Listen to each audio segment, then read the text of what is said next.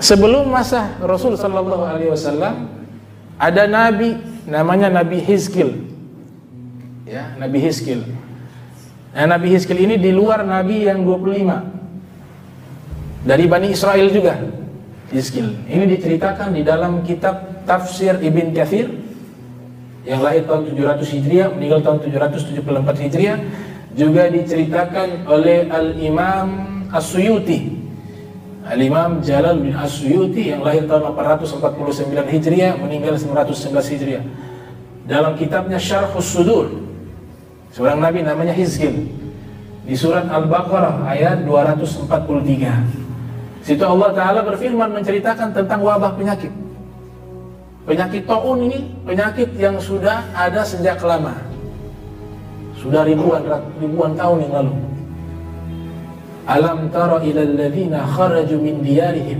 Tidaklah kalian melihat orang-orang yang keluar dari kampung halaman mereka. Wa hum qulufun hadaral maut. Mereka itu jumlahnya ribuan. Hadaral maut takut kepada kematian. Jadi di kampung mereka ini jumlahnya menurut Al-Imam Ibn Kathir ada 40 ribu Sebagian ulama mengatakan 70 ribu orang Ini terkena wabah tahun Banyak di antara yang mati Maka muncul ketakutan Bagaimana nih Kalau kita tinggal di sini kita akan kena penyakit ini Diputuskan mereka hijrah Pindah dari tempat tersebut Ketika mereka pindah pergi di satu tempat yang dianggap aman, maka muncul sifat sifat takabur. Artinya ah, sudah kita sudah lari dari virus tahun. Berarti kita sudah tidak mati lagi. Kita bisa hidup panjang, kita tidak mati. Ini kan dia takutnya kepada virus. Dia tidak menghadirkan Tuhan di situ. Allah dia tidak takut, tapi dia takutnya kepada virus. Padahal ini virus adalah makhluk. Padahal harusnya orang yang maksiat, orang yang tidak sholat harusnya lebih takut daripada sekedar virus corona. Karena adanya penyakit juga itu ciptaannya Allah. Allah yang mengatur itu makhluk dan pada akhirnya mati. Tanpa virus pun kita mati.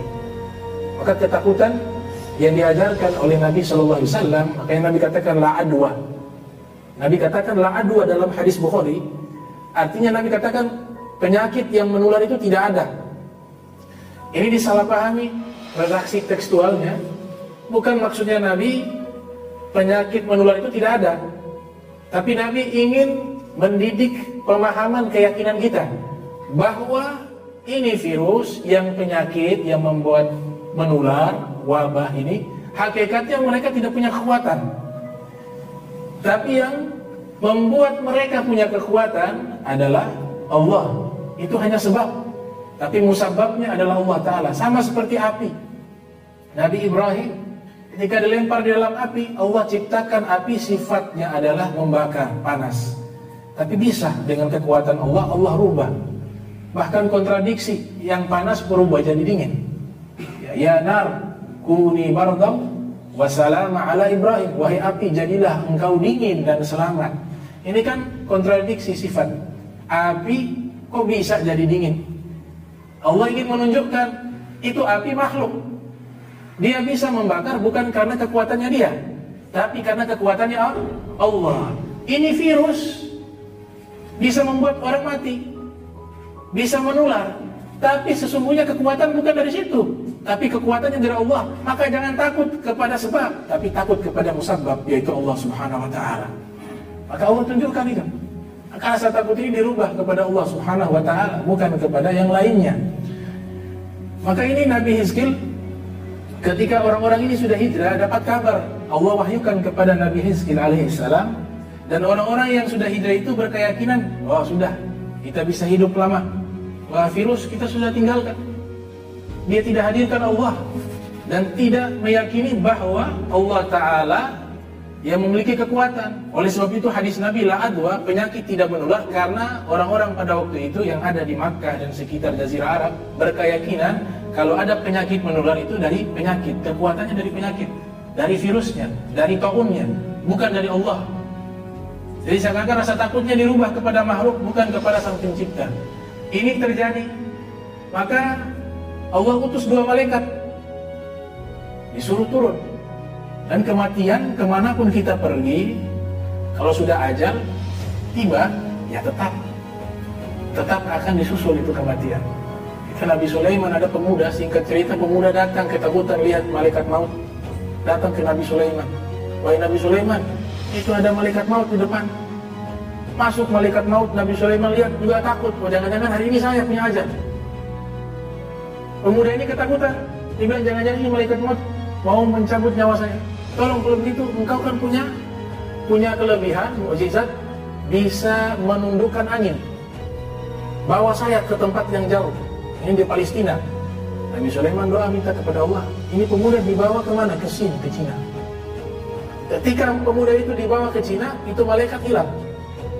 Dicari sama Nabi Sulaiman, itu malaikat ke mana?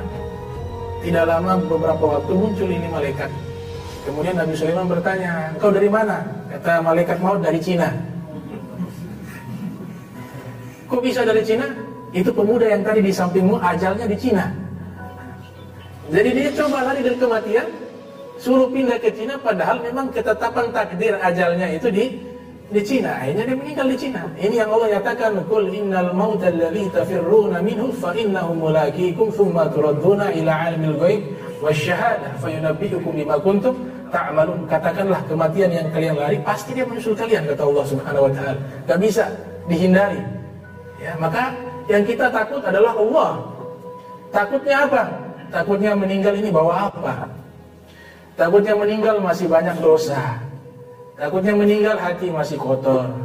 Takutnya meninggal ya masih ada hutang piutang dengan makhluk.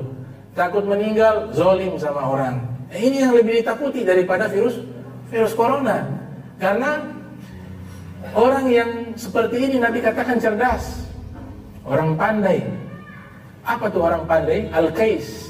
Mandana nafsahu wa amila lima ba'dal maut. Orang yang pintar adalah orang yang mempersiapkan dirinya sebelum datangnya kematian. Tapi wal ahmak orang yang bodoh adalah orang yang banyak mengikuti man manattaba'a nafsahu hawa wa tamanna 'ala Allahil aman. Orang yang selalu mengikuti daripada rayuan nafsunya melakukan dosa tapi merasa aman kepada Allah Subhanahu wa taala. Itu orang yang bodoh kata Rasul sallallahu alaihi. Ahmak lawan daripada al-kais, orang yang cerdas yang persiapkan dirinya sebelum datang kematian kata Nabi Shallallahu Alaihi Wasallam. Maka ini kaum ini akhirnya apa? Allah utus malaikat. Malaikat teriak. Ketika malaikat teriak, ini seluruhnya mati. Teriakan malaikat kaum Samud, ya kaum Samud itu dapat teriak juga dari malaikat. Kaum Samud atau Ad, saya lupa itu. Itu Allah suruh malaikat Jibril teriak, mati. Di surat Al-Haqqah diceritakan. Disebutkan di situ seperti apa mereka yang dapat teriakan daripada malaikat? Mereka seperti pohon korma kering. Allah sifati keadaan orang yang dapat teriakan dari malaikat seperti pohon korma yang kering. Kalau ditusuk berlubang. Ini keadaan mereka seperti itu. Akhirnya mati semuanya. Allah nyatakan fagala lahum mutu. Allah Ta'ala berfirman kepada mereka, mutu matilah. Maka semuanya mati. Tidak tersisa. 40 ribu orang. Nah ketika sudah mati sudah waktu berjalan makanya pakai summa. Summa ahyahum kalimat summa itu kemudian. Kemudian ulama tafsir mengatakan ada macam-macam. Tapi summa yang dimaksud sini lil ba'id. Yaitu summa dengan durasi waktu yang lama. Kenapa lama? Karena ketika sudah mati itu membusuk baru jadi tulang sudah jadi tulang baru Nabi datang Berarti kan kalau sudah ditulang itu kan waktu yang lama. Maka diwahyukan ini Nabi namanya Nabi Hizkil alaihissalam pergi ke wilayah tersebut. Sampai di wilayah tersebut, Nabi Hizkil hanya temukan tulang belulang dan jumlahnya begitu banyak. Nabi Hizkil pada waktu itu bukan tidak percaya adanya hari kiamat, bukan. Para nabi punya keimanan ini paling tinggi, Makanya Abu Hanifah mengatakan iman ada empat. Ada al-imanu yazid walayankus. Iman yang nomor satu itu naik terus tidak pernah turun. Imanul anbiya wal mursalin. Imannya para nabi dan para rasul. Para nabi, para rasul punya iman tidak pernah turun. Coba perhatikan, para nabi kalau diuji sama Allah, apakah makin jauh kepada Allah? Tidak. Makin dikasih cobaan makin besar, mereka makin dekat dengan Allah Subhanahu wa taala. Karena keimanan mereka tidak pernah turun, selalu naik. Kemudian ada iman yang kedua. La yazid wa la. Tidak pernah naik, tidak pernah turun. Dia statis. Imanul malaikat, imannya para malaikat. Malaikat yang begitu saja imannya.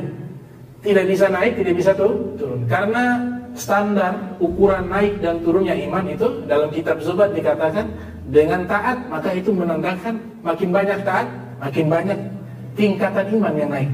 Makin banyak maksiat, maka di situlah turunnya iman. Malaikat kan tidak pernah maksiat, Ketaatannya ya seperti itu saja, maka imannya statis, stabil. Kemudian yang ketiga, imanul nah, imannya orang-orang awam, orang-orang mukmin seperti kita. Yazid wa yankus, kadang dia naik, kadang dia tuh turun, naik turun dia. Yazid wa yankus. Yang keempat, la yazid wa yankus. Iman tidak pernah naik tapi turun terus. Imannya orang munafik, orang-orang musyrik, orang-orang kafir.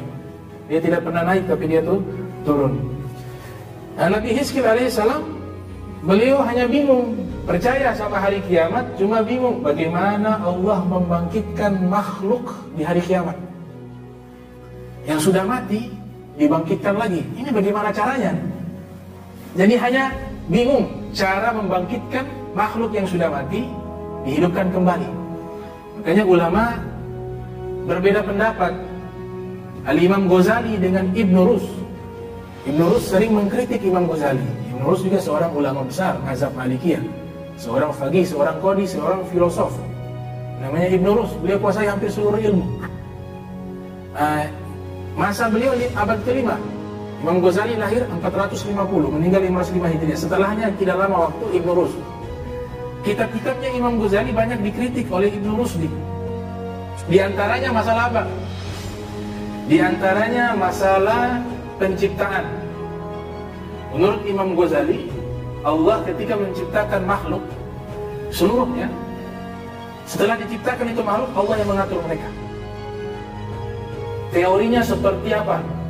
Mustaniun, kata Imam Ghazali. Ini kitab namanya Faslul Maghalah, nama kitabnya. Mustaniun, tukang kebun. Bagaimana tukang kebun? Ketika mereka menanam bibit, harus disiram, dikasih pupuk, diperhatikan. Nah beliau analogikan makhluk seperti itu. Ketika sudah diciptakan, ya diperhatikan, diatur, dirawat. Secara mutlak Allah yang mengatur. Kalau Ibnu Rus berbeda, beliau mengatakan makhluk-makhluk yang Allah ciptakan seperti jam. Jam ini ketika dia ya kita taruh itu jam, taruh baterai, awal menggerakkan saja baru dia berputar setelahnya dibiarkan dia secara otomatis awalnya mati kemudian diberikan kekuatan berupa baterai maka dia berputar nah itu teorinya Ibn Rus dan ini sama seperti teorinya filsafat Aristoteles Aristoteles dalam kitab Al-Milal wan Nihal disusun oleh Abdul Karim Siristani Al-Imam Siristani menyebutkan dalam kitab Al-Milal Nihal Aristoteles percaya bahwa alam semesta ini ada penggerak pertama namanya muharrikul awal. Ini alam semesta ada penggerak pertama. Cuma belum menyebutkan apa itu Allah. Tapi yang dimaksud adalah Allah Tuhan. Penggerak pertama itu harus satu, tidak bisa dua, kata Aristoteles. Kalau ada dua, maka akan hancur ini alam. Karena ada dua keinginan, kata Aristoteles. Dalam kitab Al-Milal Nihal, teologi dunia. Jadi kesimpulan Aristoteles mengatakan bahwa alam semesta ini harus ada muharrikul awal. Ada penggerak pertama. Kalau tidak ada penggerak pertama, maka tidak mungkin ada pergerakan matahari yang berputar secara otomatis dan begitu rapi waktunya tidak pernah terlambat. Tidak pernah terbalik dia berputar. Ada siang, ada malam. Ini saja sistem yang berputar dengan begitu rapi kalau tidak ada yang menggerakkan, maka mustahil dia bisa bergerak. Itu kata Aristoteles dalam kitab Al-Milahu Bihal. Maka ini perbedaan pendapat antara Ibnu Rus dengan Aris eh, dengan Imam Ghazali. Kasus kedua juga Imam Ghazali berbeda pendapat dengan Ibnu Rus masalah hari kiamat. Al-Imam Ghazali berpendapat Nah tadi pendapat Imam Ghazali yang lebih kuat. Ya kita diciptakan, kita punya teologi ikut Abu Hasan Ash'ari Mengatakan Allah ciptakan kita dan Allah yang mengatur kita. Itu dalam Al-Quran banyak sekali. Wa ma tasha'una illa ayya Allah Apa yang kalian kehendaki Itu Allah yang kehendaki Inna rabbakum khalaqakum wa ma ta'malun Sesungguhnya sang pencipta kalian Allah menciptakan kalian dan apa yang kalian lakukan. Wama ta'malun. Jadi ini akidah daripada Asy'ariyah dan Maturidiyah.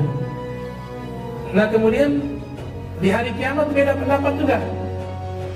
Kata Imam Ghazali, ketika dibangkitkan di hari kiamat, itu dibangkitkan dengan secara zohir, ruh dan jasad. Jadi dihidupkan kembali lagi. Tapi ditentang oleh Ibn Rus. Ibn Rus mengatakan Gak di hari kiamat itu bukan dengan ruh dan jasad Tapi ruh saja. Beliau mengeluarkan beberapa hadis Nabi SAW Di antaranya Innama nasamatul mu'min ta'luhu Sungguhnya ruhnya orang beriman makan Makanan surga. Sepotong saja Tapi Imam Ghazali melanjutkan hadis itu ada punya lanjutan Hatta yurji Allah subhanahu wa ta'ala ila jasadihi yaumal qiyamah Itu ruh nanti dikembalikan ke dalam jasadnya di hari kia, kiamat. Jadi Imam Ghazali mengatakan ini Nabi sebutkan dikembalikan ke dalam jasad. Kemudian kasus Nabi Hizkil alaihissalam ketika melihat tulang belulang dari orang-orang tersebut yang sudah mati, dia katakan ya Allah bagaimana caranya bisa hidup di hari kiamat bisa bangkit lagi. Maka Allah Ta'ala berfirman, Thumma ahyahum. Kemudian Allah menghidupkan mereka. Jadi tulangnya tersambung mulai kakinya sampai jadi utuh manusia berupa tengkorak. Dan itu bukan satu orang, seluruhnya 40 ribu orang itu di hadapan Nabi Hizkil, Allah Ta'ala bangkitkan mereka semua. Mulai itu, daging mulai keluar. Daging, kemudian darah, kemudian kulit, kemudian ruh masuk. Maka di saat itu Nabi Hizkil pun bisa mengetahui bagaimana cara Allah Ta'ala menghidupkan makhluk yang sudah mati di hari kiamat dikembalikan lagi. Seperti semula seperti dia hidup. Maka Nabi katakan dalam hadis kullu bani adam ta'kulul ard. Seluruh anak manusia bumi memakannya. Illa azabazan kecuali bagian tulang ekor. Tulang bokong ada ekor yang paling ujung. Nah itu tidak akan hancur kata Nabi SAW dan ini juga sudah diriset oleh para ilmuwan mereka membuat satu eksperimen uji coba dan juga riset bahwa tulang yang ada di bokong manusia itu lebih kuat daripada baja, beberapa kali lipat disebutkan. Dan ini tidak akan hancur. Seluruhnya akan hancur, tapi satu tulang ini tidak hancur. Dan Nabi SAW seribu tahun yang lalu sudah menyebutkan hal tersebut. Nabi mengatakan, Illa azabadhan, seluruh tubuh Bani Adam akan hancur kecuali tulang ekor. Dari dia, dari tulang ekor khulika. Hah, kalimat khulika tadi diciptakan kembali.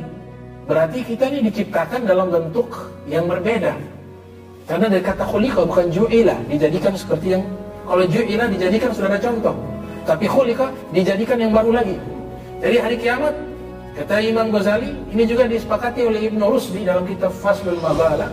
Kita dibangkitkan kembali lagi tapi dalam bentuk yang tidak sama persis ketika kita hidup di dunia. Tidak sama persis.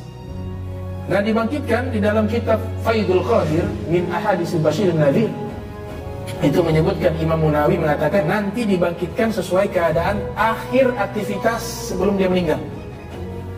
Misalnya kita akhir, akhir sebelum meninggal lagi baca Al-Quran. Kita meninggal dunia pas lagi baca Al-Quran. Di hari kiamat bangkitnya lagi baca Al-Quran. Orang yang meninggal dalam keadaan sujud dalam sholat di hari kiamat dibangkitkan dalam keadaan su sujud. Orang yang lagi sholat, lagi baca Al-Quran, lagi hadir majlis ilmu, meninggal, dia dibangkitkan dalam keadaan seperti itu. Sebaliknya kalau meninggal dalam keadaan maksiat, dia dibangkitkan. Akan disebutkan dalam beberapa hadis dalam kitab Syarhus Sudur, ada yang bangkit pegang botol. Botol khamar. Itu malaikat sudah kenal, oh ini tukang minum. Ada yang bangkit pegang uang, uang riba. Ada yang bangkit macam-macam. Tergantung daripada jenis amal yang bagian akhir. Innamal a'malu bi khawatimiha. Amal ibadah dihitung bagian akhirnya kata Rasul sallallahu alaihi wasallam. Maka Nabi Hizkil melihat, oh ternyata begini kebangkitannya. Oh mudah bagi Allah. Inna Allah ala kulli syai'in qadir. Sesungguhnya Allah mampu melakukan segala sesuatu. Tidak ada yang sulit. Inna ma amru idza arada syai'an ay lahu kun fayakun. Kalau ingin sesuatu ya kun, jadi. Maka jadilah. Tidak ada kesulitan bagi Allah